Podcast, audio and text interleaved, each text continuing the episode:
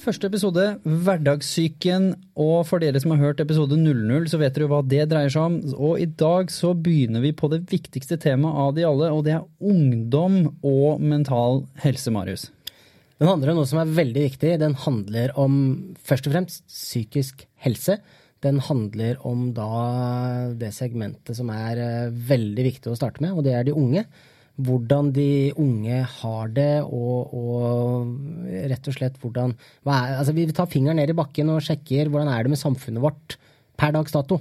For Vi var så heldige å ha Simen Almås, som eh, potensielt har NM-rekord i foredrag for ungdom. sant?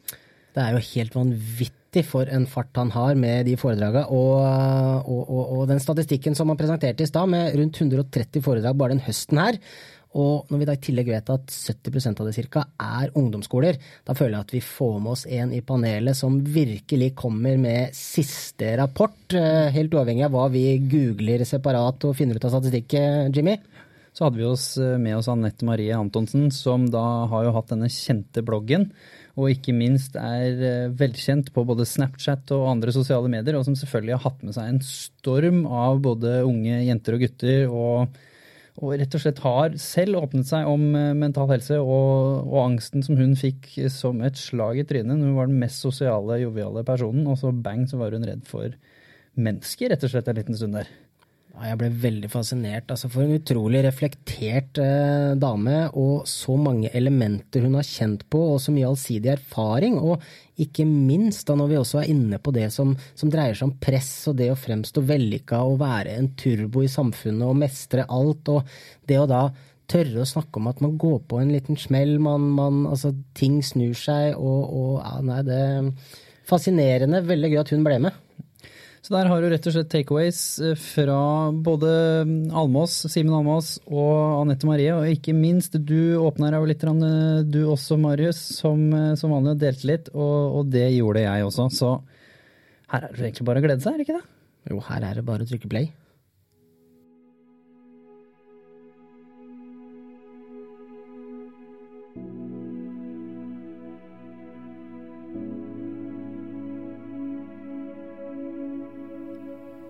Og velkommen til første sending av Hverdagssyken.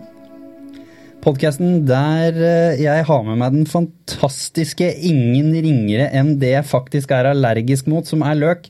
Marius Løken. Velkommen. Takk for det, Jimmy. Det her har vi gleda oss eh, veldig mye til.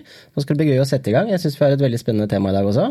Det har vi. Det er jo ungdom og hverdagssyken, eller mental helse og ungdom. Og som vi vet, så har det jo vært noen knusende statistikker som har kommet i 2017 og 2018. For vi har ikke hatt ordentlig statistikk på ti år. Det er ganske urovekkende. Og, og den kurven den bærer jo i en veldig mørk retning. Så det at dette her stadig kommer mer og mer fram på tapeten og ut til folk, og at alle blir bevisste på det, det er ekstremt viktig. Og derfor har vi jo med oss et ganske kult eh, ekspertpanel i dag også. Det har vi, fordi det er jo ingen som gidder å sitte og høre på oss to i 50 minutter. Det blir slitsomt. Jeg er litt enig. Vi trenger, vi trenger litt mer eh, mangfold her. det gjør vi. Så i dag så har vi med oss da de to fantastiske folkene. Jeg skal begynne med Anette Marie, som eh, Alle vet hvem Anette Marie er. Nei? Okay, det, det, er et par stykker som ikke vet hvem hun er.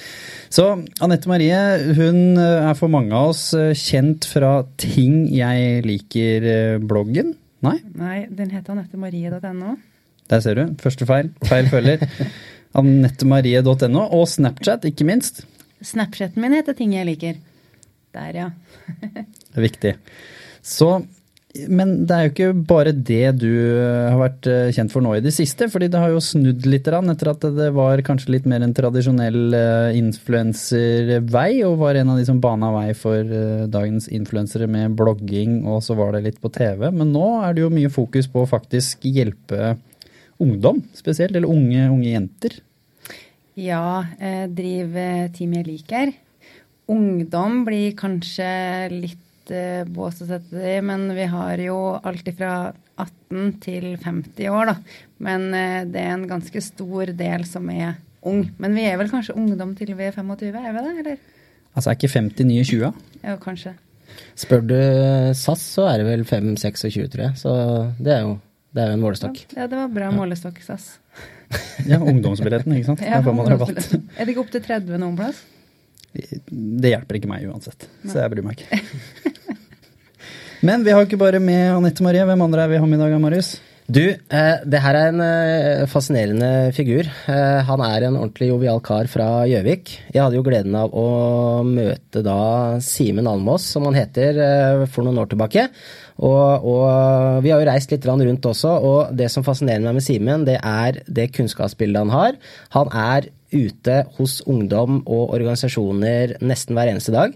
Eh, Vi fant vel ut at eh, du har runda rundt 130 foredrag, for det er jo det du livnærer deg av nå og engasjerer deg for. eh, Bare den høsten her. Og, og Simen, du, har jo en, eh, du har jo en spesiell historie. Du har jo både opplevd eh, å bli eh, ganske kraftig brannskadd når du var eh, 13 år, eh, i starten av tenåra. Du var på Utøya, og ikke minst, du har reist så mye rundt og samla historier som en type Asbjørnsen og Mo, vil vel jeg si. Velkommen til deg. Gøy at du stiller, og dette her tror jeg at det er et tema som vil passe deg bra i dag. Velkommen, eh, Simen. Tusen hjertelig takk for det. Du, Hvem ligner han på, Asbjørnsen eller Mo? Ja, det er akkurat det, da. Det er ingen Eh, som veit hvem de gutta åssen de ser ut. ikke sant? Vet du hva, Det er ganske godt poeng, egentlig. Hva tror du, Anette? Vet du, Jeg driver og leser en uh, bok nå med dem, sånn julefortellinga til dattera mi. Men uh, altså den tegna figuren som er en av dem der, eh, er jo da veldig gammel, så jeg tror ikke jeg klarer å dra noe sammenligning. Han er- den nye. si. Men han er litt sånn Espen Askeladd, da. Det vil jeg vel si med tanke på at han reiser så mye rundt og øh, finner ting på veien og historier og sover ute i telt og har bilder av nordlyset og i det hele tatt. Og kappspiser med trollet. Ikke minst. Men det var morsomt at du nevner dattera di, fordi mm, før vi kom inn her, så hadde vi en liten prat med datteren din, så la oss rett og slett høre hva hun har å si om mental helse. Spennende.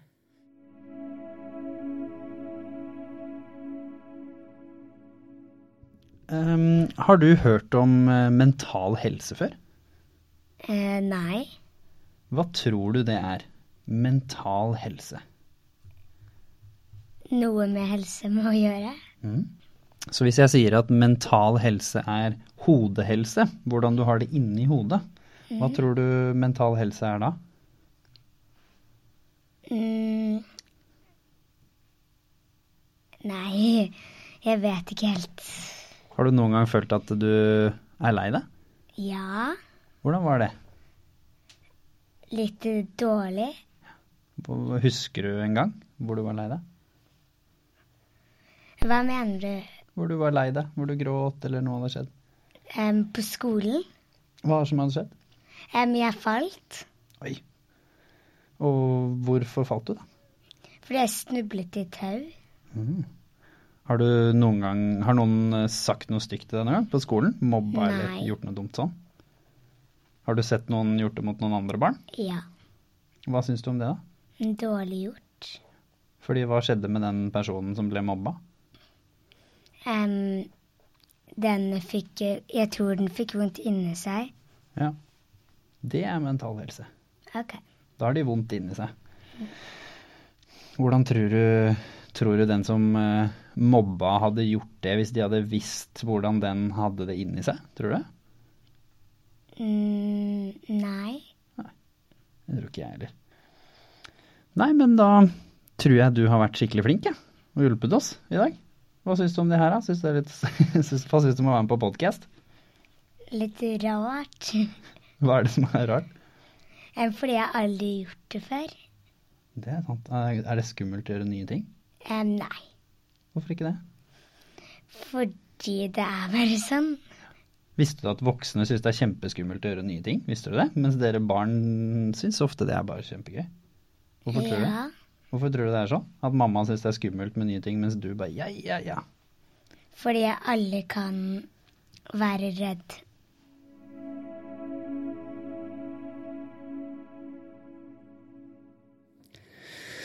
Ja, eh, hva syns du om at, eh, hva syns du om at dattera di ikke vet hva mental helse er?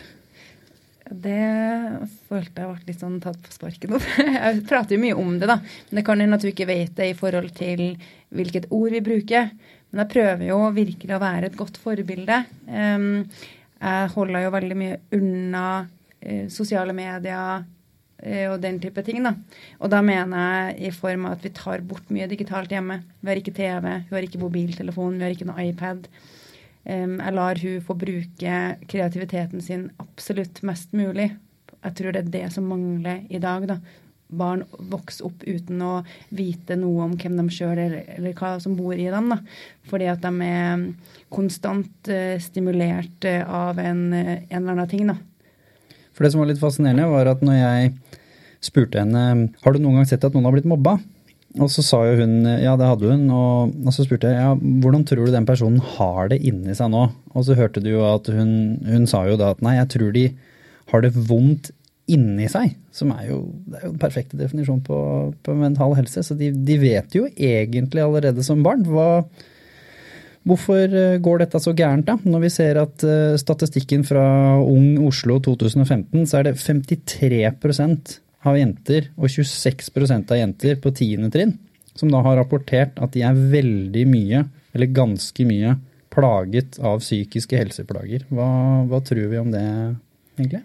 Jeg tror at uh, i dag, dagens samfunn så vokser uh, ungdommen uh, opp og blir såpass stimulert av f.eks. Instagram og andre plattformer også, der de hele tida blir bombardert med andre sine meninger. Og andre sine meninger er jo også eh, kommer fra en plass, ikke sant. Så alle har en slags kollektiv, eh, et kollektivt feil, feilbilde om hvordan verden er, da. Og så viser alle frem de perfekte, de såkalt perfekte sidene av seg sjøl. Så vi har på en måte lagd oss en ny definisjon av hva som er perfekt, hvordan vi skal se ut, hvordan vi skal være. Eh, I tillegg så blir vi bombardert med tilbud, rabattkoder, ting og tang hele tida. Så vi, vi tror at vi, skal, vi må kjøpe ting eller være sånn eller gjøre det for å være lykkelig. Og jeg tror at alt det her rett og slett skjer fordi at vi har ikke noe alene til lenger. Vi er aldri alene. Hvis vi venter på bussen, så tar vi opp mobilen. Vi har ikke et sekund der vi liksom sitter og kjenner på Oi, hva er det jeg føler? Hvem er jeg? Altså Jeg sto og venta på bussen i 30 minutter da jeg var kid på, på Hurum. Og nå tar jeg meg sjøl i å stå i Oslo, og så står det tre minutter på tavla. Mm. Så går jeg til neste stasjon. For da blir jeg sånn Det her gidder jeg jo ikke. Det tar jo ikke tid til. Men du snakket om det med mm, å føle litt på at liksom du har et feilbilde av hvordan du skal være og ikke skal være. Men både Marius og Simen, dere har jo opplevd tøffe, traumatiske ting som har endra deres fysiske utseende. Mm, eh, og spesielt du måtte jo håndtere det midt i denne verste tida, når du ble brannskadd som, som 13-åring. Var det ikke det du sa, Marius? Stemmer. Ja. Og eh, du kan jo fortelle litt, uh, fortelle litt Simen. Bare sånn, ta oss med på en liten sånn recap hvordan den delen var for deg når du, når du var, i, var, i, det. Det er klart, når du, altså Jeg våkner jo da opp i en alder av 13 år, har en totalt forandra kropp. Brannskadd over halve kroppen. Eh, nå blitt tildelt en kropp eh, som jeg skal nå leve med livet ut. Totalt forandra. Og det her blei jo en veldig, veldig tøff eh, periode. For når du er 13 år, så er kanskje det en av de mest sårbare tidene av livet. Du skal finne ut hvem er du. Du skal skape identitet. Så den andre kroppen hadde jeg jo forholdt meg til da i ja, 13 år, og så våkner jeg da opp og får da tildelt en helt ny kropp. Og da starter jo problemene mine virkelig virkelig å melde sitt inntog. Uh, for jeg skal jo ikke nå vise at jeg er annerledes, uh, at jeg er brannskadd uh, eller noe som helst. For jeg tenkte jo at det, det å være annerledes, det å ha arr, det er på en måte noe som ikke er normalt, eller noe som er pent eller bra nok. Og litt tilbake med det her med sosiale medier og sånn. Ut ifra den statistikken du, du, melder her, Jimmy, så tenker jeg at Altså, sosiale medier har Altså, vi mennesker, vi er opptatt etter bekreftelse. Vi mennesker er flokkdyr. Vi er ute etter å føle oss en del av flokken. Det sosiale medier har gjort, det har gjort at vi har en umiddelbar tilgang til å få den bekreftelsen ved å legge ut et bilde. Så vi skaper oss en verden, en virtuell verden, med bekreftelse, eh, men som egentlig ikke eksisterer. Som er overfladisk. Eh, og jeg tenker at eh, det er så viktig å ha de her gode, ekte relasjonene. Men det vi opplever i, gjennom sosiale medier i dag, altså det med å få likes, det er litt som å hva skal jeg si, kjøpe seg nye sko. De skoa de er kule de første to-tre dagene, fire dagene. Men etter to uker så er de på en måte De skoa de er ikke kule lenger, ikke sant? Og det samme er, er det her med sosiale medier. da. Du får 100 likes på et bilde, så føles det kjempegodt. Og det her skiller ut dopamin, ikke sant? Dopamin er altså det samme som skilles ut når vi drikker alkohol, ikke sant? Og her, her, her gir vi mobilen til eh, femåringer, seksåringer. Altså Det blir som i mitt hode at vi gir en vodkaflaske til en seksåring og sier 'kos deg med denne her'. En seksåring veit ikke hvordan han skal håndtere en vodkaflaske. Ikke sant? Alkohol. Men det her er, er, det er Altså, vi Jeg tenker vi alle er nødt til å ta et ansvar når det kommer til her. Hva er det vi, eh, hva er det vi lærer opp unga? Hvilke, eh, hvilke rammer er det vi egentlig har rundt der? Eh, for vi er i ferd med å skape en virtuell verden som egentlig ikke eksisterer. For det er ikke sånn at når du går på gata, så er det 200 mennesker som kommer bort, bort til deg og trykker en like-knapp i panna di. ikke sant? Vi, altså Mange av oss ut, utvikler sosial angst. Vi føler oss mer komfortable med å sitte på mobilen, legge ut et bilde uh, av halvnakne kropper, enn å ha de gode, fine samtalene. Og jeg tok meg sjøl det for ikke så altfor lenge siden. Var på fest, og så uh, uh, kjente jeg ingen. Det umiddelbart gjorde, var at jeg tok opp mobilen, for det føltes kjempekomfortabelt. Og så tok jeg meg sjøl Hva er det du driver med nå, Simen? Og så sa jeg til meg sjøl nå må du skjerpe deg. Så tok jeg ned mobilen, og så tenkte jeg altså Mobilen og sosiale medier det har blitt nesten vår altså en veldig sånn trygghet. Og det her er så skummelt, da. Den verden vi skaper gjennom sosiale medier i dag. Vi ser jo Anette sitter jo og nikker og nesten slår ned mikrofonen her. Så du har jo litt mer enn gjennomsnittlig kjennskap til uh, angst. Hvordan uh, generelt, uh, hva tenker du om, om det? For det er jo sånn mystisk greie som nå er i ferd med å nesten bli litt populært, men samtidig fortsatt tabu. Jeg tror at folk skjønner ikke hva angst er ennå. Og så blir folk veldig sånn De legger kanskje mye på at de har angst. da, De skylder mye på angsten. Så, nei, jeg har angst. Nei, jeg kan ikke det. Jeg får angst. Istedenfor å faktisk gå inn i hva er angst. Angst er kroppen som sier fra om noe. Det er kroppen som prøver å virkelig Hallo, nå må du lytte. Jeg er her inne, jeg prøver å få kontakt. For min del så har jeg alltid vært ekstremt utadvendt eh, og uredd. Og mitt første panikkangstanfall skjedde når jeg var med i jeg var jo med i realityserien Tigerstaden, som gikk på TV2 Bliss for ja, 2013.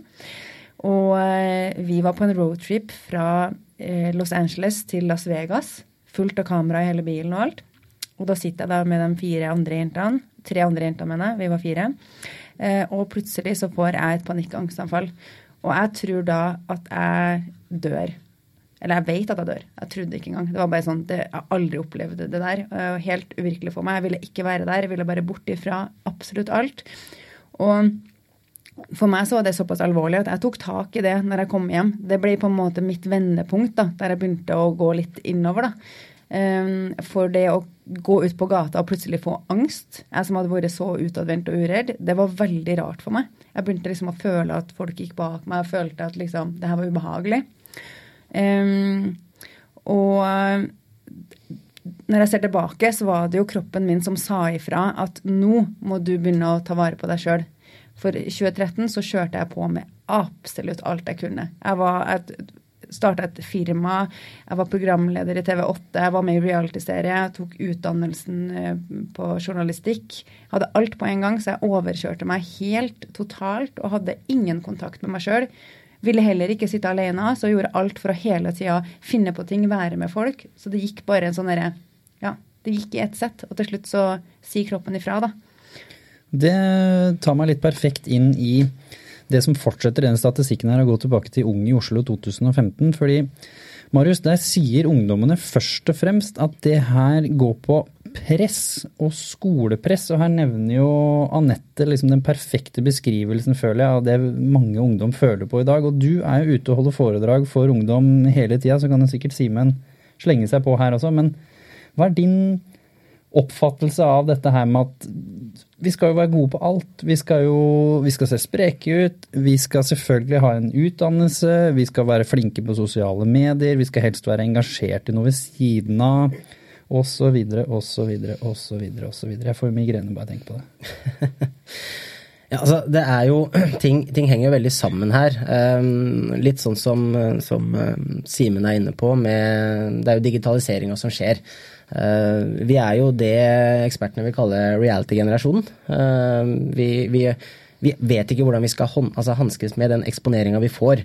Og det er jo da enten du sliter med, altså, som Simen er inne på, identitet, eh, som, som Anette Marie kan fortelle mer om, eh, kroppspress, altså med tanke på det økende bildet på fitness og det at vi, vi skal være så sunne og i det hele tatt. Så det det er en ganske bred skala, og det er jo ikke noe hva skal jeg si, en nøyaktig fasit på at folk sliter med det ene eller det andre. Det er jo en samla statistikk, noe som gjør at man blir deprimert, som drar opp statistikken her. og jeg tror jo, og det er litt av konseptet med det vi sitter her og prater om nå, at man trenger mennesker som er ærlige, som er bak fasaden, som kan være rollemodeller, som kan fortelle at eh, det perfekte livet er ikke så perfekt som det fremstår.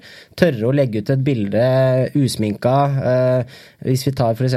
fitness, legge ut et bilde når du ikke kommer fra trening, når du føler deg litt holdt på å si, dvask, eller altså den ærlige, ærlige behind the scenes-historien. Fordi altså, jeg tror Her kan i hvert fall Simen mest sannsynlig backe meg ganske bra opp. altså Den generelle uh, helsa til folk der ute, spesielt ungdom, som virkelig står i det, den, den, den er ikke bra. Og, og altså, Simen, du, du kommer jo nå med en veldig travel høst, som vi var inne på i innledninga. Og jeg tenker du kan få spørsmålet hva er rapporten? Du som har vært så mye ute, altså 130 foredrag, 70% er gjerne ungdomsskoler. Hvordan står det til der ute etter din oppfatning? Mm. Etter min oppfatning så er det veldig, veldig, veldig mange som sliter. Og veldig mange som ikke prater om det her. Uh, og når vi prater litt om Altså, jeg tenker skolen har jo, får jo mer, og mer større ansvar her. Og at ansvaret de må ta mer og mer seriøst. Um, for på skolen er arenaen der vi kan lære. Um, og jeg tenker jo det at vi kan ikke bare Ja, selvfølgelig, det er mye press der ute. Sosiale medier, tjo og hei, reklamer. Eh, folk som er photoshoppa, Instagram, alt mulig. Masse press. Men samtidig så hjelper det ikke at vi bare sitter her og sier at ja, det er masse press der ute. Det vi da gjør, er at vi også gjør ungdommen til et offer. Og hva skjer når vi gjør mennesker om til et offer? Eh, vi tar bort eh, dems mulighet til å gjøre noe med problemet. Hvor kommer det herfra, da? Altså presset. Hvor, hvor kommer det herfra? Fordi det er liksom sånn det kommer, fra, kommer fra samfunnet, og alle er jo del av samfunnet, selvfølgelig. Eh, det er forventninger, alt mulig. Men jeg tenker at det viktigste vi kan gjøre her, det er å lære ungdommen til å stille kritiske spørsmål rundt det de opplever. Vi er, vi er nødt til å få, altså Nå skal jo livsmestring mer inn i skoleverket. Men jeg tenker det er jo det viktigste faget i skolen. Altså det, Definitivt. Altså Har vi ikke livet på plass, har vi ikke hverdagssyken vår på plass, så, altså, så spiller ingenting annet i livet noen rolle. da. Da, Skulle det vært et fag som het uh, hverdagssyken, rett og slett? Eller det menneskelige aspekt? Ja. human aspect. Forstå ja. hvordan, hvordan, omgår man relasjoner, hvordan håndterer man å plutselig gå fra å være utadvendt til å føle på en angstsituasjon? Hvordan håndterer man å bli mobba? Hvordan håndterer man livet, rett og slett? Skulle det, skulle det vært i skolen? Eh, hva tenker du, Anette? Jeg skrev faktisk et forslag til hva var det, Ungdom- og helsedepartementet. Jeg er litt usikker på helt hva det heter, men jeg fikk et brev fra dem. der de, Det var jo en debatt som gikk eh, for en liten stund siden med influensere og kroppspress.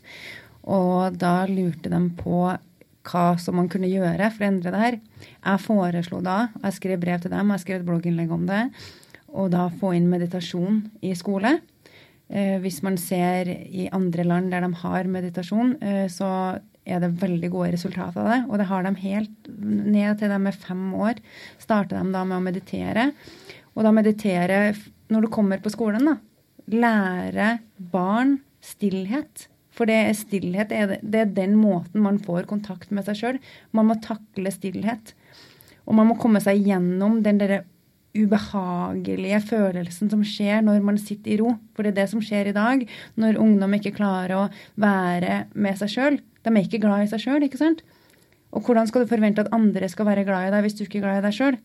Og hvis du er glad i deg sjøl, så setter du pris på ditt eget selskap. Da vil du takle å sitte i stillhet uten å bli stimulert av TV eller mobil eller noe.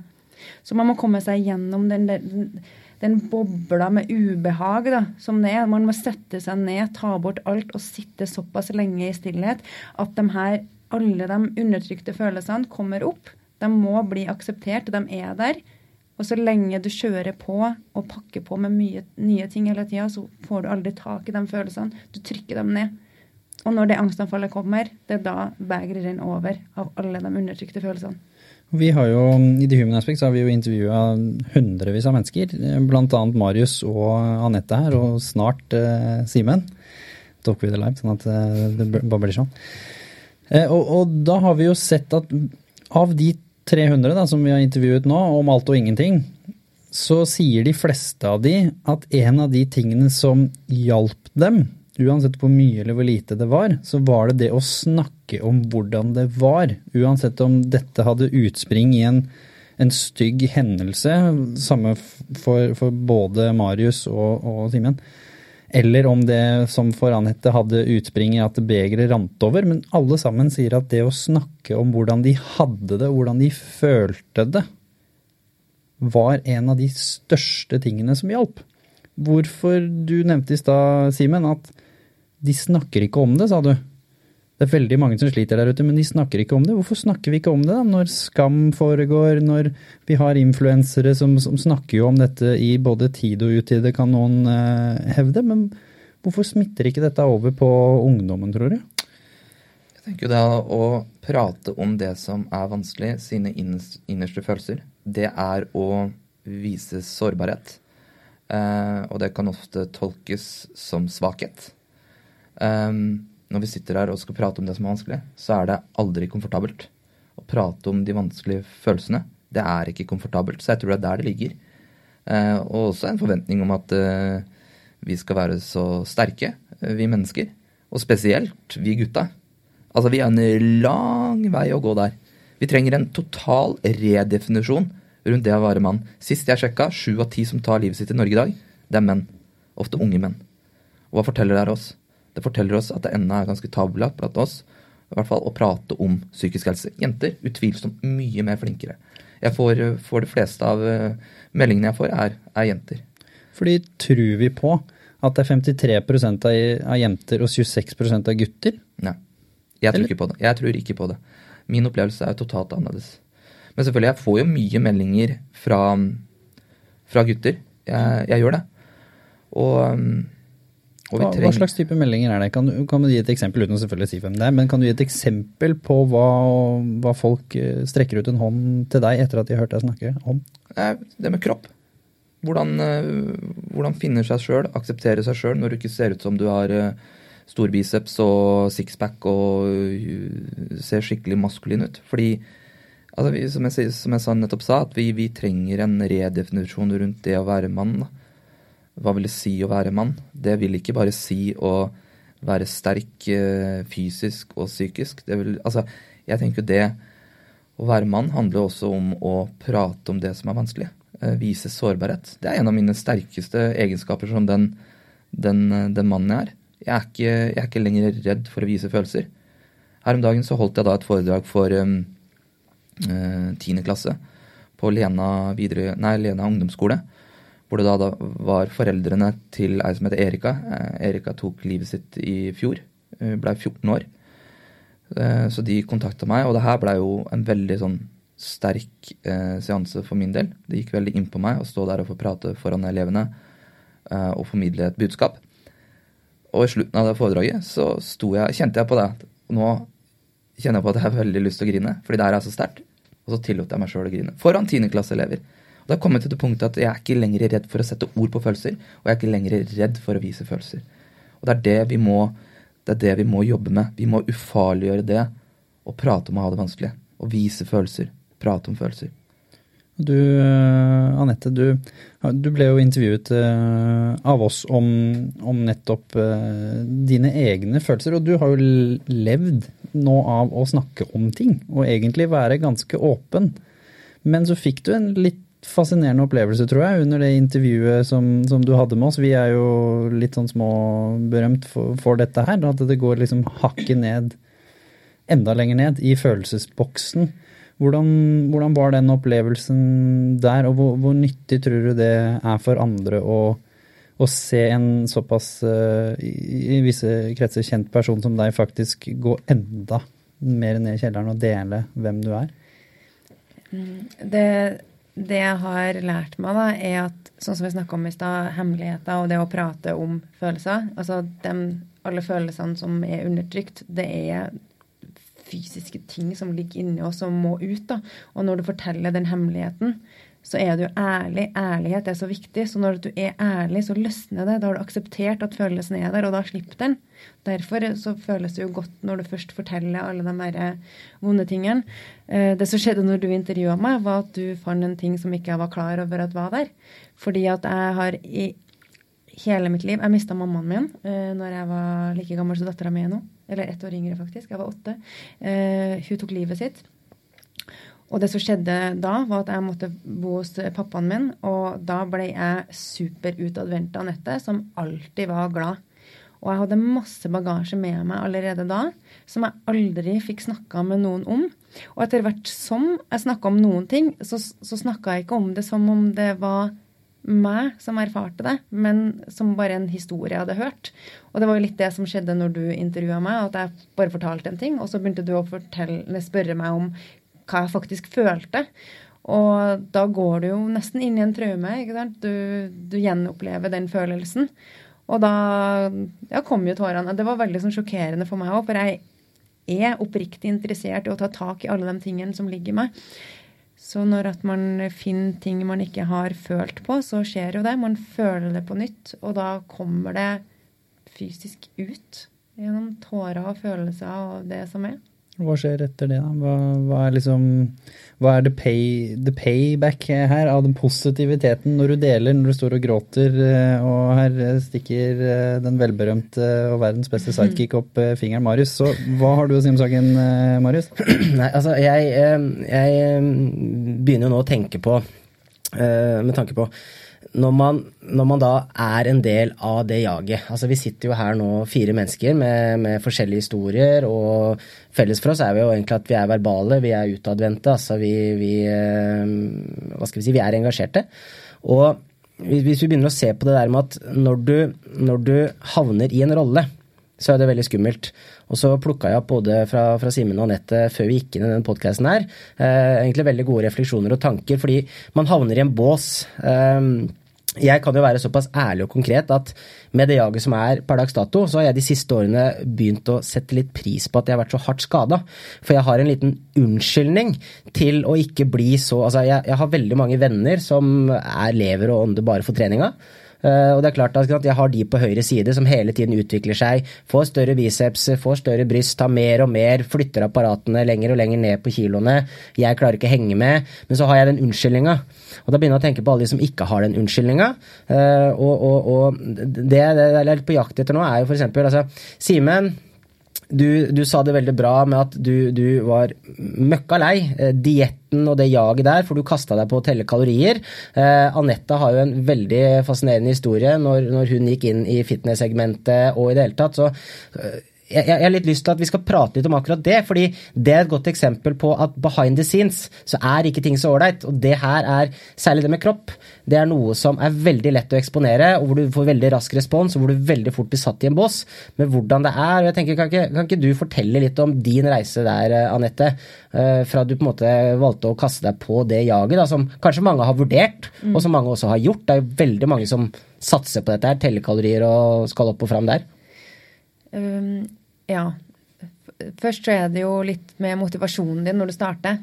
Min eh, personlige erfaring med Altså mitt eh, Min eh, relasjon til min kropp er ganske sunn der, egentlig. Jeg har gått opp og ned i vekt, og jeg ser på det som en litt utfordring. Og jeg takler det ganske bra mentalt i forhold til kroppen. Og det tror jeg har vært veldig viktig for meg, i hvert fall hvis jeg skal dreve på med team jeg liker, da. Der jeg har nå skal jeg da si konvertert, jeg har jo ikke gjort det, men der jeg har fått med såpass mange folk til å ta den reisen, så var det nok veldig viktig at jeg sjøl visste at jeg takla det også.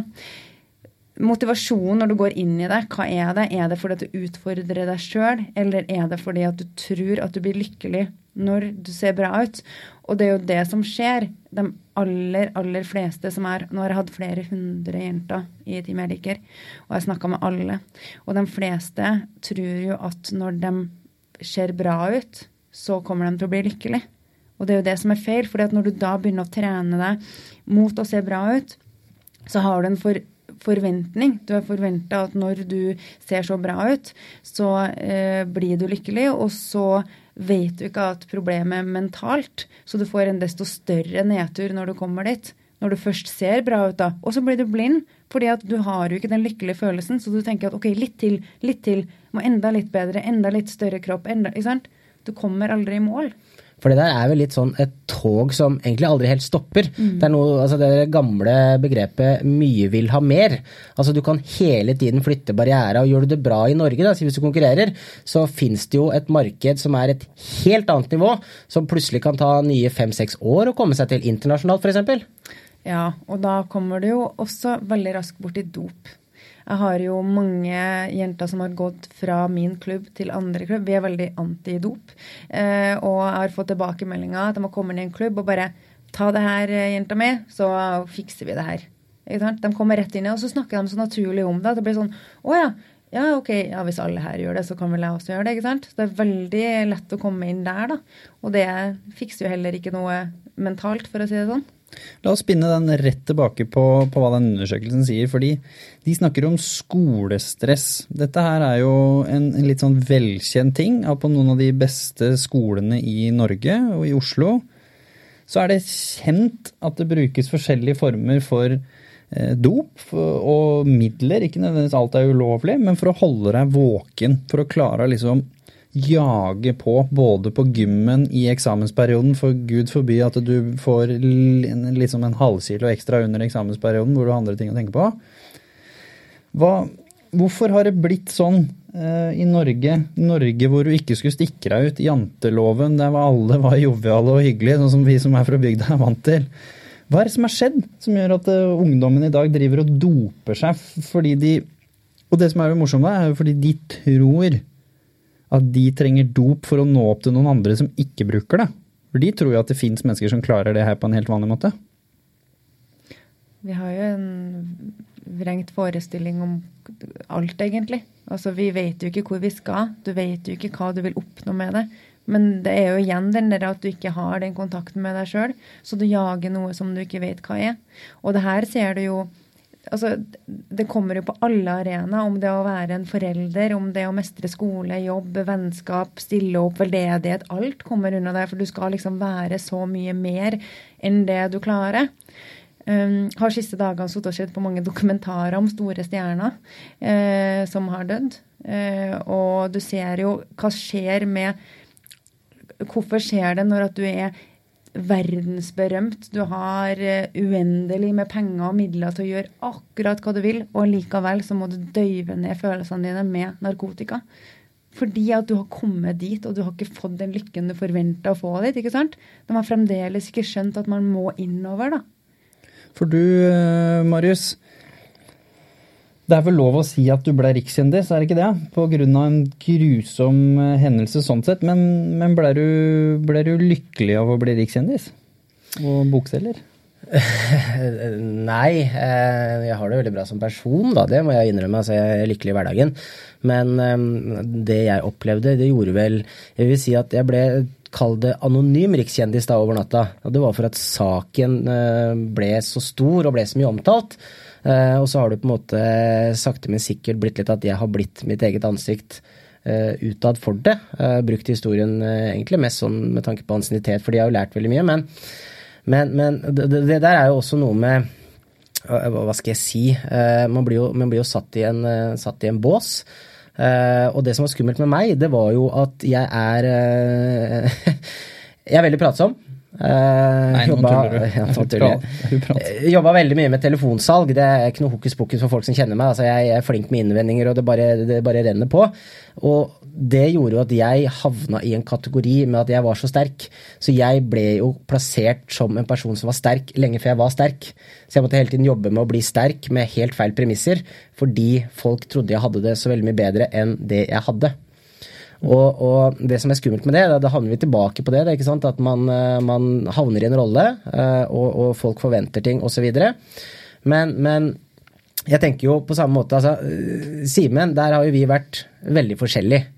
Og det, det, jeg tenker på da, er jo at uh, altså uh, Jeg føler du, du turte å, å, være litt mer sårbar, og du hadde familien din og litt vinklinger. Kan ikke du fortelle litt hvordan det plutselig ble, og så raskt i så ung alder, skifte identitet? Mm, ja, som, som, jeg sa tidligere, det var jo veldig tøft. Eh, det med kropp og forholde seg til eh, ja, På en måte prøve å skape en Finne en ny identitet. da, Jeg var jo fortsatt gamle Simen, men gamle Simen i en helt ny kropp. Eh, min store endring skjedde jo idet jeg turte å prate om det. Fordi jeg skulle tilbake i den rollen som tøffe, kule, harde Simen som var litt på toppen i vennegjengen. For igjen, nummer én, jeg er jo gutt. Og vi gutta, vi viser jo ikke svakhet eller sårbarhet. Vi kan kjenne på det litt sånn tøft og kjipt, og sånn, men det er et par timer, der, så er vi tilbake igjen. Og så skal vi være oppe i ringa og nikke. Det er der vi skal være. Så jeg gikk jo lenge rundt og bygde den her klassiske fasaden. Folk så på meg og tenkte fy fader, altså, han er Simen. Brannskade over halve kroppen, tolv dager i koma, rett tilbake igjen, begynte å herje, ikke sant. Men sannheten var jo at jeg våkna opp hver eneste dag, så meg sjøl i speilet og bare eh, Kanskje jeg noen gang kan ta opp lån for å operere meg, fjerne arr, få en, få en ok kropp igjen. Det var det her som styrte hverdagen min. Da. Men min store endring skjedde det jeg turte å eh, prate om det jeg egentlig sto i. Siden du da ikke har blitt intervjuet av The Human Aspect ennå, kan ikke du ta oss med tilbake i et par minutter på en av de verste øyeblikkene dine, og, og bare beskrive hvordan var å være inni huet ditt når du så deg sjøl i speilet, bak fasaden? Jeg husker jo, sto der da, hver eneste morgen etter å ha tatt meg den dusjen. Så sto jeg og så på kroppen min, og jeg blei omtrent fysisk kvalm. Um, For du klarer ikke å rømme fra den heller? Nei, nei. Det er, det er noe du må, du må, forholde deg til. Så jeg begynte å gjemme meg bak, uh, bak masse klær. Til hver eneste tid så gikk jeg med langerma genser. Gikk alltid med olabukse. Gikk med skjerf. Jeg hadde til og med sikkerhetsnåler i skjerfknuta. tilfelle skjerfknuta skulle gå opp. Jeg gikk også med hatt eller lue, for jeg hadde mista en del hår helt øverst der. Ehm, så jeg hadde en sånn fin måne i alder av 13 år. Det var ikke akkurat sånn kjempekult. Jeg viste ikke kroppen min på nesten ja, i hvert fall et år. Jeg viste ikke til bestevennene mine engang. De fikk ikke se på kroppen min. For hva syns du om kroppen din? Jeg syns den så helt forferdelig ut. Problemet, altså, som jeg har funnet, problemet er aldri hvordan vi ser ut. Problemet er hvordan tenker vi at vi ser ut. Det er der problemet ligger. Det ligger i tankene våre. Fordi i dag så elsker jeg kroppen min. Jeg elsker arra min, og det sier jeg ikke for å være inspirerende eller kul. Jeg elsker arra min. Jeg har ikke bytta mot noe. At noen kommer med 30 millioner til meg i dag og sagt Simen, du skal få fjerne alle arra dine for 30 Du skal få 30 millioner om du fjerner arra dine. Det hadde ikke skjedd. Kom med 100. Altså, jeg, jeg syns de er nydelige. Ikke fordi Instagram forteller meg det, eller sosiale medier eller samfunnet. Altså, jeg bladde jo nedover vg.no for ikke så lenge siden. Der sto det 'Slik her fjerner du strekkmerkene dine'. Sånn her fjerner du arr. Jeg blir hele, hele tida påminna om at arra mine det er noe jeg skal gjøre noe med. Det er noe som ikke er bra nok. Men jeg forteller meg sjøl hver eneste dag at jeg er dritfin akkurat som jeg er. Og du Marius, hvis jeg hadde Hvis, hvis Stordalen eller en av de litt mer rike folka hadde bare jazza opp med 30 millioner, hadde du fjerna arra dine? Det er jo litt brutalt å si nei til 30 millioner, men eh, hvis, hvis, jeg skal, hvis, jeg skal, gå litt dypere inn i det, så syns jeg det her er litt fascinerende. fordi der har jeg og Simen funnet en veldig sånn eh, common ground. altså Vi, vi er veldig enige. For jeg har akkurat det samme synspunktet nå. Det er klart, jeg følte meg som en litt sånn uh, skada liten kar. Rosa arr, mangla 11 kilo, hadde et lite fuglebryst, hadde ikke muskler, hadde altså bare arra, og de var klumpete. Ehm, jeg kan jo si eh, at jeg, til og med jeg liker jo Ara til Simen. Jeg syns de er eh, veldig barske og kule, så jeg lar meg fascinere. Men jeg lar meg Ikke så. ikke sant? Eh, vi har litt sånn her jevnt og trutt litt sånn konkurranse. Simen har ligget én dag mer enn meg i koma og litt sånn, og hvem har, hvem har mest arr, og vi driver og spøker fælt, da. vi, vi vet jo ikke historien din. Ja, nei, eh, jeg var jo involvert i, eh, var jo involvert i det media kalte halloween-drapet. Eh, det var jo det som plutselig kom i avisene og fikk mye omtale. Blodig inngangsparti. Det hadde skjedd et drap. Én overlevde. Én havna inn i psykiatrien slash fengsel osv. Men det, det, jeg da kan nevne i den forbindelse nå, nå var jeg litt inne på det med å på en måte bli kategorisert i bås. Det jeg tror i hvert fall jeg og Simen kan være veldig enige om, det er jo nettopp det at man istedenfor å ta avstand fra historien sin, så velger man å leve med den. Og det er et ganske klart skille. Og i enkelte tilfeller, sånn som når man har såpass mye synlige arr, og det er en såpass stor del av livet, da har man jo ikke et valg om å ta avstand fra historien. Man må leve med den. Og det her gjelder jo, her gjelder jo mennesker som har vært igjennom voldsomme forandringer, voldsomme episoder. Det, av og til så har du ikke et valg, selv om kanskje en psykolog eller en psykiater kan fortelle deg at ja, du må enten lære deg å dytte det vekk, eller leve med det. Jeg tror at det å leve med det er det aller, aller beste, fordi hvis du først da mestrer det, så har du mestra det gjerne en ordentlig gang for alle. Ehm, jeg vet ikke om dere andre har noen synspunkter på akkurat det? Jo, jeg er for så vidt veldig enig. Jeg tenker jo det at eh, eh, noen vil aldri kunne greie å eh, på en måte elske seg sjøl. For noen så det, så, så det en, blir det en livslang prosess som aldri kommer i havn. Men jeg tenker det med kroppsnøytralitet. Bare der så kommer vi langt. Det må bare få et ok forhold til seg sjøl. Det tenker jeg er, er, første steg. da. Man trenger ikke gå gjennom livet og elske seg sjøl. For det blir veldig sånn overfladisk, og vi blåser det på en måte veldig opp. Men jeg tenker det må i hvert fall greie å få et nøytralt forhold til seg sjøl. At det er ok sånn det ser ut. Altså Jeg vet jo at en dag Nå har jeg Jeg trener jo aktivt i dag. Trener fem dager i uka. og Jeg har biceps. Jeg har eh, brystkasse. Men jeg veit også at en dag så, så kommer, kommer Jeg kommer ikke til å se sånn her ut resten av livet. Eh, huden min, den den fungerer på den måten at uh, den kommer til å henge enda mer enn uh, noen andre sin. fordi der jeg er brannskadd, så, så, trekker ikke huden seg sammen. Så der veit jeg at jeg kommer til å bli mer og mer skrukkete enn det jeg allerede er. Uh, men så har jeg også innsett at det er så ufattelig mye mer enn bare utseendet mitt. Og det er der jeg har så mange kvaliteter som går utover akkurat det med her med utseendet mitt. Det er bare en bitte liten del av den, den jeg er.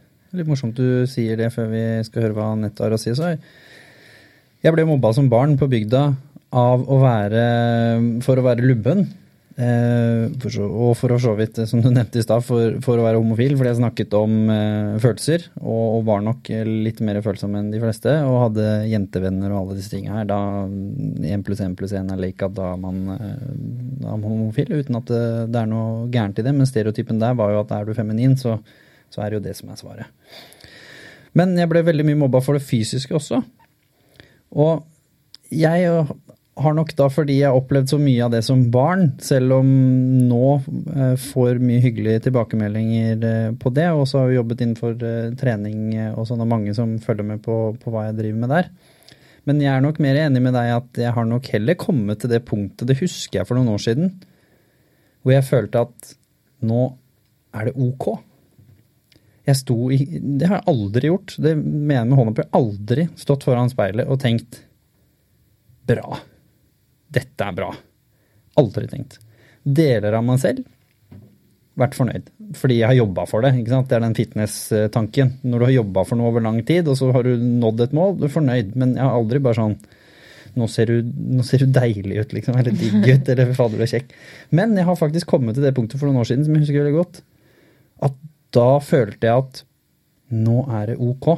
Så nå kan du konsentrere deg om noe annet. Nå kan, som Anette snakket om i sted, nå kan du faktisk begynne å tenke litt på hvordan, for, hvordan har du det inni deg. Fordi jeg opplever veldig ofte at hvis man sliter med det fysiske, og da snakker jeg om de tingene du kan gjøre noe med, sånn som på trening og de jentene eh, hos deg, Anette, som, som faktisk kan gjøre noe med enkelte ting, gjør at det blir lettere å gå inn i deg sjøl og begynne å jobbe med hvordan har du det egentlig? Og jeg vet at det er en veldig viktig del av det opplegget du drar jentene gjennom, er jo også hvordan har du det? Mm. Så hvorfor, eh, hvorfor, har dere valgt å ta de to tingene sammen? Både det som er enkelt å gjøre noe med, som i teorien egentlig handler om å, å både spise riktig og, og trene riktig, men, men, så skal jo disse jentene helst, eh, når de kommer ut av dette opplegget her også, føle inni seg at de har det litt bedre. Hvorfor, hvorfor er det viktig? Først så vil jeg bare si en kommentar til dere snakka om å komme til det punktet med OK. Eh, jeg tenker at det handler om å akseptere. Akseptere virkeligheten for det det er. Det her er det som er. Bare akseptere det, istedenfor å tenke at nei, det skulle ha vært sånn. Det her, sånn er det, og det er greit. Um, og det å elske seg sjøl, uh, det kan bli overfladisk hvis det handler om å elske utseendet sitt. Men da elsker du ikke deg sjøl. Da elsker du utseendet ditt. Og utseendet ditt er ikke deg. Det tror jeg er viktig, da, å skille liksom hvem er jeg. Jeg er noe som bare er. Og det er jo tilstedeværelsen. Det er det som er deg. Det å være her og nå. Og så har du den her kroppen og det du på en måte lever i. En, eh, et eksempel jeg hørte på internett en dag, var at du kjører bilen din, men du er ikke bilen din. Godt poeng. Mm. Um, når det kommer til team jeg liker, og um, hvorfor vi tar for oss det indre, det er jo fra min egen erfaring, men også det som skjer med de her uh, som er med, da, det at de begynner å spise rent eh, og trene. Så det skjer masse i kroppen din, for sinn og kropp, altså alt henger sammen. Så når du spiser såpass rent, mange døyver følelsene sine med sukker. ikke sant? Pakker i mye drittmat og sukker hele tida og undertrykker følelsene sine. Den delen blir borte. Du spiser rent. Det, det kjenner kroppen. da. Og i tillegg så trener du, så du får her sirkulasjon av liv og endorfiner og ting som Ja. Og så kommer du i en uh, diettboble. Det har kanskje noen her erfart. Når du teller kalorier og er veldig opptatt i det. Du blir sliten, du orker ikke å være så mye med folk så automatisk så blir du mer med deg sjøl. For du har dietten din å fokusere på. Og hva skjer når du er mye med deg sjøl? Da kommer bagasjen opp. Så jeg på en måte kan føle da, når hele gruppa, det her samholdet En ting er jo at det er lett å være med, lettere å være med i et team fordi du har så mange som er på en reise. Kalle det for en individuell reise i et fellesskap, for de gjør det sammen, men alle har sin reise. Så jeg kan på en måte føle at ok, nå begynner vi å nærme oss det punktet der folk møter veggen. For det gjør de én plass. Det er når denne bagasjen kommer opp, og de bare What? Hva skjer nå, liksom? Superdeprimert, grin og eh, ikke sant? Masse skjer fordi at de her følelsene kommer opp. Og når de kommer seg gjennom den, da er liksom premien der. Da er det sånn Oi, shit, nå jobber jeg med noe som jeg ikke visste. Jeg visste ikke at jeg hadde dårlig selvfølelse. Jeg visste ikke at jeg ikke hadde kontakt med meg sjøl, eller Ikke sant? Nå nærmer vi oss uh, slutten, så la oss dra innom det som flest mennesker opplever. Fordi innenfor mental helse så ser vi at depresjon, som er jo det som psykologene og de profesjonelle anser som en av de tingene som man kan gjøre noe med. Det er jo mye innenfor mental helse som man må lære seg å leve med, som f.eks. arr. Men depresjon i utgangspunktet kan man jo gjøre noe med, spesielt hvis man får tak i det tidlig. ikke sant? Når, når det kommer første gangen. Og på verdensbasis er det tre 100 millioner mennesker som opplever depresjon. I Norge så anslår vi at en tredjedel av befolkningen kommer til å oppleve depresjon i løpet av livet. Hver tredje person du ser på gata, vil være deprimert.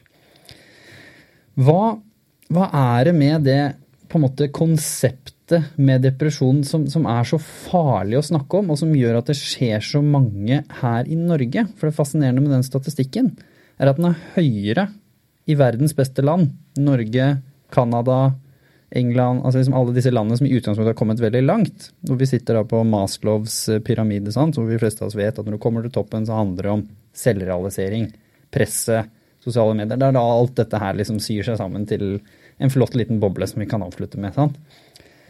Men hvorfor klarer vi ikke å komme oss ut av det? For i utgangspunktet hvis vi hadde tatt tak i det med en gang, eller da kommet gjennom reisen som Anette forteller om, så hadde jo dette ikke vært noe problem. For da hadde det bare vært sånn ja ja, men alle skal gjennom en depresjon en gang i livet. Det er jo bare å føle på den, være sårbar, som Simen sier, snakke om det. Og så hadde vi ikke trengt å gå til psykolog for depresjon. Så sant det ikke var en klinisk alvorlig, altså en, en akutt depresjon, men her snakker vi mer om da den milde hverdagssykeformen. Som er rett og slett at du bare er ikke bra nok Får ikke til. Alle andre er bedre enn meg. Jeg er lei meg, og det var jeg i går òg, og det var jeg forrige uke òg, og det var jeg forrige måned òg. Og den leder jo, trist, men sant, til da den verste delen her, sant? som er, som er selvmordsbiten, som, som, jeg var i den psykosen da jeg var eh, 13. Men Marius, hva, hvorfor tenker vi at uh, dette er så forferdelig mystisk, når det skjer egentlig alle? Det er veldig vanlig. Og, og det i seg selv jo, gir jo på en måte en ganske stor motivasjon for at vi bør prate om det hele tiden. Men, men jeg tror jo, for å trekke noen konklusjoner, da, altså min erfaring her blir jo det at man nå som vi har havna i det samfunnet vi har havna, eh, som du sier innledningsvis, eh, Jimmy eh, altså, Man har ikke tid til ting. Ikke engang å vente på neste buss, selv om det er tre minutter. Eh, jeg tar meg selv i å ta med meg Instagram på dass når jeg skal sitte i fred og drite, liksom. Altså, jeg legger det ikke fra meg da engang. Før var det Donald-blader da jeg var liten kid. Men nå er det sånn, den der pausen fra det og når jeg legger meg, så er det jo jeg ligger og reflekterer. Hva er det jeg har opplevd i dag? Og det er jo ikke sant, alle de forskjellige tingene, og det kan til og med være så ille at jeg tenker hva i all verden skal jeg legge ut på My Story i morgen? Uh, men det jeg tror er at alle er litt sånn blinde. Uh, de kjører sitt tog. Um, litt som også Simen nevner, uh, det med at vi mennesker er flokkdyr. Vi er egentlig bygd sånn at vi skal ta vare på hverandre. Det er mer enn nok ting vi må ta alene. Men det, det er noe med det fokuset. og folk, så, folk, har så mye press i sitt eget liv, så de er livredd for å lette litt på presset i andres liv. Altså de, de, gruer seg for å ta den diskusjonen eh, med en annen person. Hvordan har du det? Eh, hvis de får en lang melding, la oss si på SMS eller Messenger f.eks., så, så tenker man seg kanskje om to ganger hvis man ser at skal jeg gå inn i den diskusjonen her nå, eller skal jeg gå inn i den uh, gåseøyne hjelpesamtalen? Skal jeg backe opp nå? Nei, jeg tar det i morgen, jeg har hatt en så tung dag selv. Så jeg tror veldig mye starter med at vi er nødt for å begynne å i hvert fall ta 15 minutter og lytte til alle andre i hverdagen vår. For hvis alle tar det ansvaret, da blir det mye mer åpent. Og det er de 15 minuttene, og det jeg har opplevd med min egen historie, det er at alle de 15 minutterne jeg eventuelt har tatt, de har gjort at jeg har fått dagevis tilbake.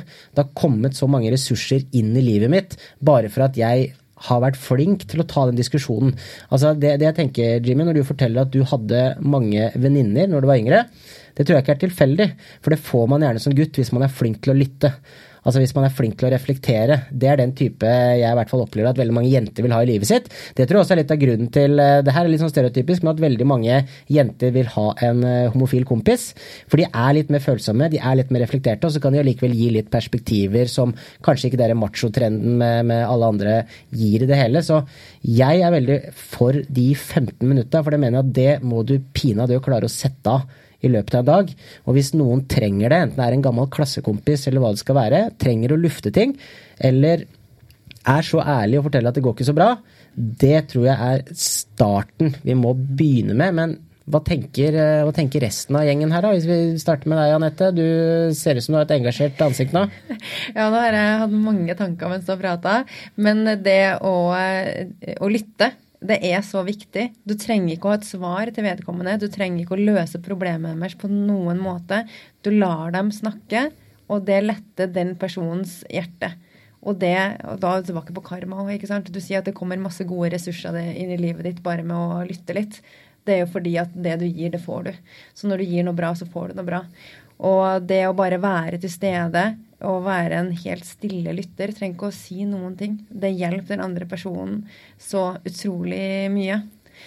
Og så er det jo det at vi trenger ikke å fokusere på depresjon, selvfølgelig ikke. Men det er jo det at folk må få vite at det er greit å snakke om ting. Og min erfaring fra jeg var lita, var jo at jeg hadde masse bagasje som aldri ble snakka om. Og jeg tenkte at ja, ja, det her er jo mitt liv, sånn var det for meg. Og følte husker jeg at jeg kunne gå og tenke at hvorfor er det bare meg? Hvorfor alle mine bestevenninner de har liksom gifte foreldre, og de har én søsken eller bror, og de bor sammen? Jeg hadde en pappa som hadde fem barn med fem forskjellige damer. og levde helt annerledes liv, liksom, og lurte på hvorfor meg. Og så, når man blir større, så kanskje man snakker litt mer om ting, så forstår jeg at oi, alle de rundt meg, de hadde jo masse bagasje, dem også. Men så hadde vi da det her samfunnet, kanskje litt det presset på at vi faktisk bor i Norge og alt er så perfekt, som gjør at vi da eh, Hele normen skal liksom være så perfekt. Og vi snakker ikke om familiehemmeligheter. Nei, gud forby, for hvis du sier en familiehemmelighet, så kan du jo såre hele familien din. Ikke sant? For at alle skal være så sykt lukka, da. Så det henger meg på den. Ta, ta den 15 minutteren i hverdagen. Fin, enkel regel å huske på. Gi noen 15 minutter hver dag. Du som uh, gir litt 15 minutter uh, fra tid til annen, Simen. Du nevnte at folk hadde tatt kontakt med deg, så uten at jeg kjenner deg godt nok, så regner jeg med du svarer dem òg. Hvor, uh, hvordan, siden dette handler om ungdommen, da, hvordan opplever du At de du tar deg tid til å svare, hva det betyr for dem? Det betyr ufattelig mye. Eh, det merker jeg jo sjøl òg. Selv om jeg reiser rundt og holder foredrag og prater om det her, så er ikke jeg noe supermenneske. Jeg opplever kjipe tider i livet mitt. Nå nylig har jeg stått i en litt kjip periode, men da har jeg vært flink til å prate om det. Grine masse. Og det er det å ha noen å prate med, og få prata ut om det, det viser jo også forskning. Det skjer noe oppi hjernen vår når vi faktisk prater om følelser og får det ut. Så jeg tenker det er så, eh, så viktig å bare få følelsene sine ned på et eller annet, eller ut til noen. Eh, og Anette ser ut så bra her at det, det, trenger ikke å være at du har det der fantastiske svaret som skal løsne opp i alle problemene. Det har ikke jeg. Til alle som kommer med problemene sine til meg. Jeg har ikke alle de svarene. Jeg sier at vet du, det her har ikke jeg noe godt svar på. Men jeg kan hjelpe deg med å finne noen som kanskje har et godt svar på det. Så jeg tenker det at vi er nødt til å ta oss tida. Vi er eh, nødt til å bli mer medmennesker. Mm. Marius eh, først, og så Anette. Jeg tenker tilbake på skolebenken, så, så husker jeg når eh, industrialiseringa kom. Så fikk vi for alvor det vi kaller markedsøkonomi. Og det er jo stort sett da, ikke sant, fra nå bytter vi ikke høne mot ku eller altså, den type ting. Nå, nå er det valutaer, nå er det økonomi. Det er, det er, det er tall og penger. Og det jeg tenker sånn generelt er jo kanskje det viktigste du gjør som menneske, med tanke på at vi er flokkdyr, det er jo å investere i andre mennesker. Altså det er ikke i kryptovaluta, det er ikke i Bank Norwegian eller hva det måtte være. Eh, nå sponser jo vi, eller blir ikke vi sponsa av noen av de to. Men, men de kan eh, det... gjerne ta kontakt for å sponse oss. Nei, så, så, så, Poenget mitt her det blir egentlig at det å se på den nye formen for markedsøkonomi, det mener jeg må være å prate og dele erfaringer. Det er, det liksom siste topp da, på den utviklinga. Og det er nesten så det er mulig å, å si til eh, storting og regjering at er det mulig å bytte erfaringer, hvis de som er ekstra flinke til å dele noe, kanskje de kan få 1% skattelette, eller altså Hvis vi ser på hva dette kostnadsbildet er det, det syns jeg var en veldig god plan. 1 prosent skattelette, da mener jeg ikke sant, uten tvil eh, for hvert foredrag Simen holder, så, så bør den satsen litt ned, fordi han deler erfaringer, og det er kanskje det viktigste vi har i framtida. Det er det vi lærer hver dag i å være reality-generasjonen. Fordi vi er ikke trent i noen ting. Så vi må overlate en klokere verden til de som kommer etter oss, som får iPhone i femårsalderen. Um, Tilfeldigvis vi lagde et livserfaringsbibliotek, da, vi som står bak eh, podkasten her, hvor du delte dine erfaringer, og Anette delte sine erfaringer. Jo, Anette, en liten kommentar før vi ja, avslutter med da å faktisk by på det beste rådet du har, eller det beste erfaringen du vil dele. Og så er vi jeg vil, Ja, jeg vil komme med en kommentar på det vi snakka om eh, på slutten her. Eh, og eh, at vi liksom vi skal dele ting, men det er viktig også at vi ikke Vi skal ikke grave oss ned i fortida vår. Det tror jeg også er veldig viktig. da. Vi skal jo være Vi skal leve autentisk. Vi skal leve i dag, her og nå. Det er så viktig. Men å akseptere fortida, det er det som vil lette den. Sånn at man, Det her betyr ikke at vi nå bare Å, shit, det er masse bagasje, nå skal vi gå og grave oss ned i bagasjen. Men vi kan snakke om bagasjen, kjenne på den og akseptere at den er der. Men vi trenger ikke alltid å finne svaret på hvorfor ting har skjedd. Noen ganger så er det bare OK, det har skjedd, vi må bare akseptere det, kjenne følelsen på det. Uten at vi trenger å finne svarene. For det kan at det ikke er noe svar. Kanskje det bare er sånn det er. Og hvis man graver seg ned og skal ha svar på alt som har skjedd, så kan man også rote seg litt bort, da. Det tror jeg bare er et sånn viktig poeng mot slutten, at vi vet at vi skal bare akseptere Aksepter ting, ting Ja, akseptere. Simen, hvis du bare fikk lov å si én ting til ungdommen uh, som hører på, eller foreldre som har ungdom som hører på, som, uh, som trenger én ting de skal ta med seg fra dagens podkast, hva er det? Start uh, de vanskelige samtalene. Anette? Lær deg å meditere litt hver dag. The beautiful sidekick. Hvis du bare står litt i det, hvis du holder ut og hele tiden prøver, så kommer det til å ordne seg hvis du bare har litt uh, tålmodighet og tro. Uansett hva du sliter med. Og jeg sier, hvis du stiller spørsmålet 'Hvordan har du det?' istedenfor 'Har du det bra?' og venter på svaret, så skjer det mye magi. Og det var første episode av podkasten Hverdagssyken. Vi sier tusen hjertelig takk til de to fantastiske gjestene vi har. Tusen takk for at vi fikk komme. Veldig ålreit. Og Sidekick, du skal selvfølgelig få lov å avslutte podkasten med en vits. Ja, for meg blir du ikke kvitt med det første. Men eh, jeg er ganske dårlig på en vits. Men eh, jeg har et morsomt statement. På alle, på alle, med tanke på aldersgrenser og markedsføring og sånn, så på alle tobakk og sånne nikotinprodukter, så står det jo kan medføre avhengighet, kan medføre kreft, altså i det hele tatt. Eh, hvorfor står ikke det på, på Snapchat og Instagram? Altså kan medføre avhengighet, eh, kan medføre depresjon. Altså det må jo kunne gå an å få inn en sånn guideline. Og så kan vi kanskje lage logoene da like brune som disse snusboksene, så det spiller ikke noen rolle om det er Snapchat eller Instagram. Du, du, du blir like avhengig av det ene og det andre.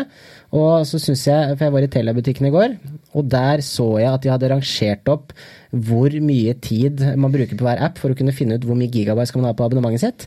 Det hadde jo gått an å fått en sånn statistikk på de sosiale mediekanalene. Her kommer du til å bruke ca. så og så mange år av livet ditt. For når dette her går over 30 år, da har du søren meg brukt Det her er en statistikk jeg nå tar på feelingen, men jeg tipper at på 30 år så har du brukt i hvert fall to til tre år sammenhengende på sosiale medier. Og det tror jeg er å ikke ta i.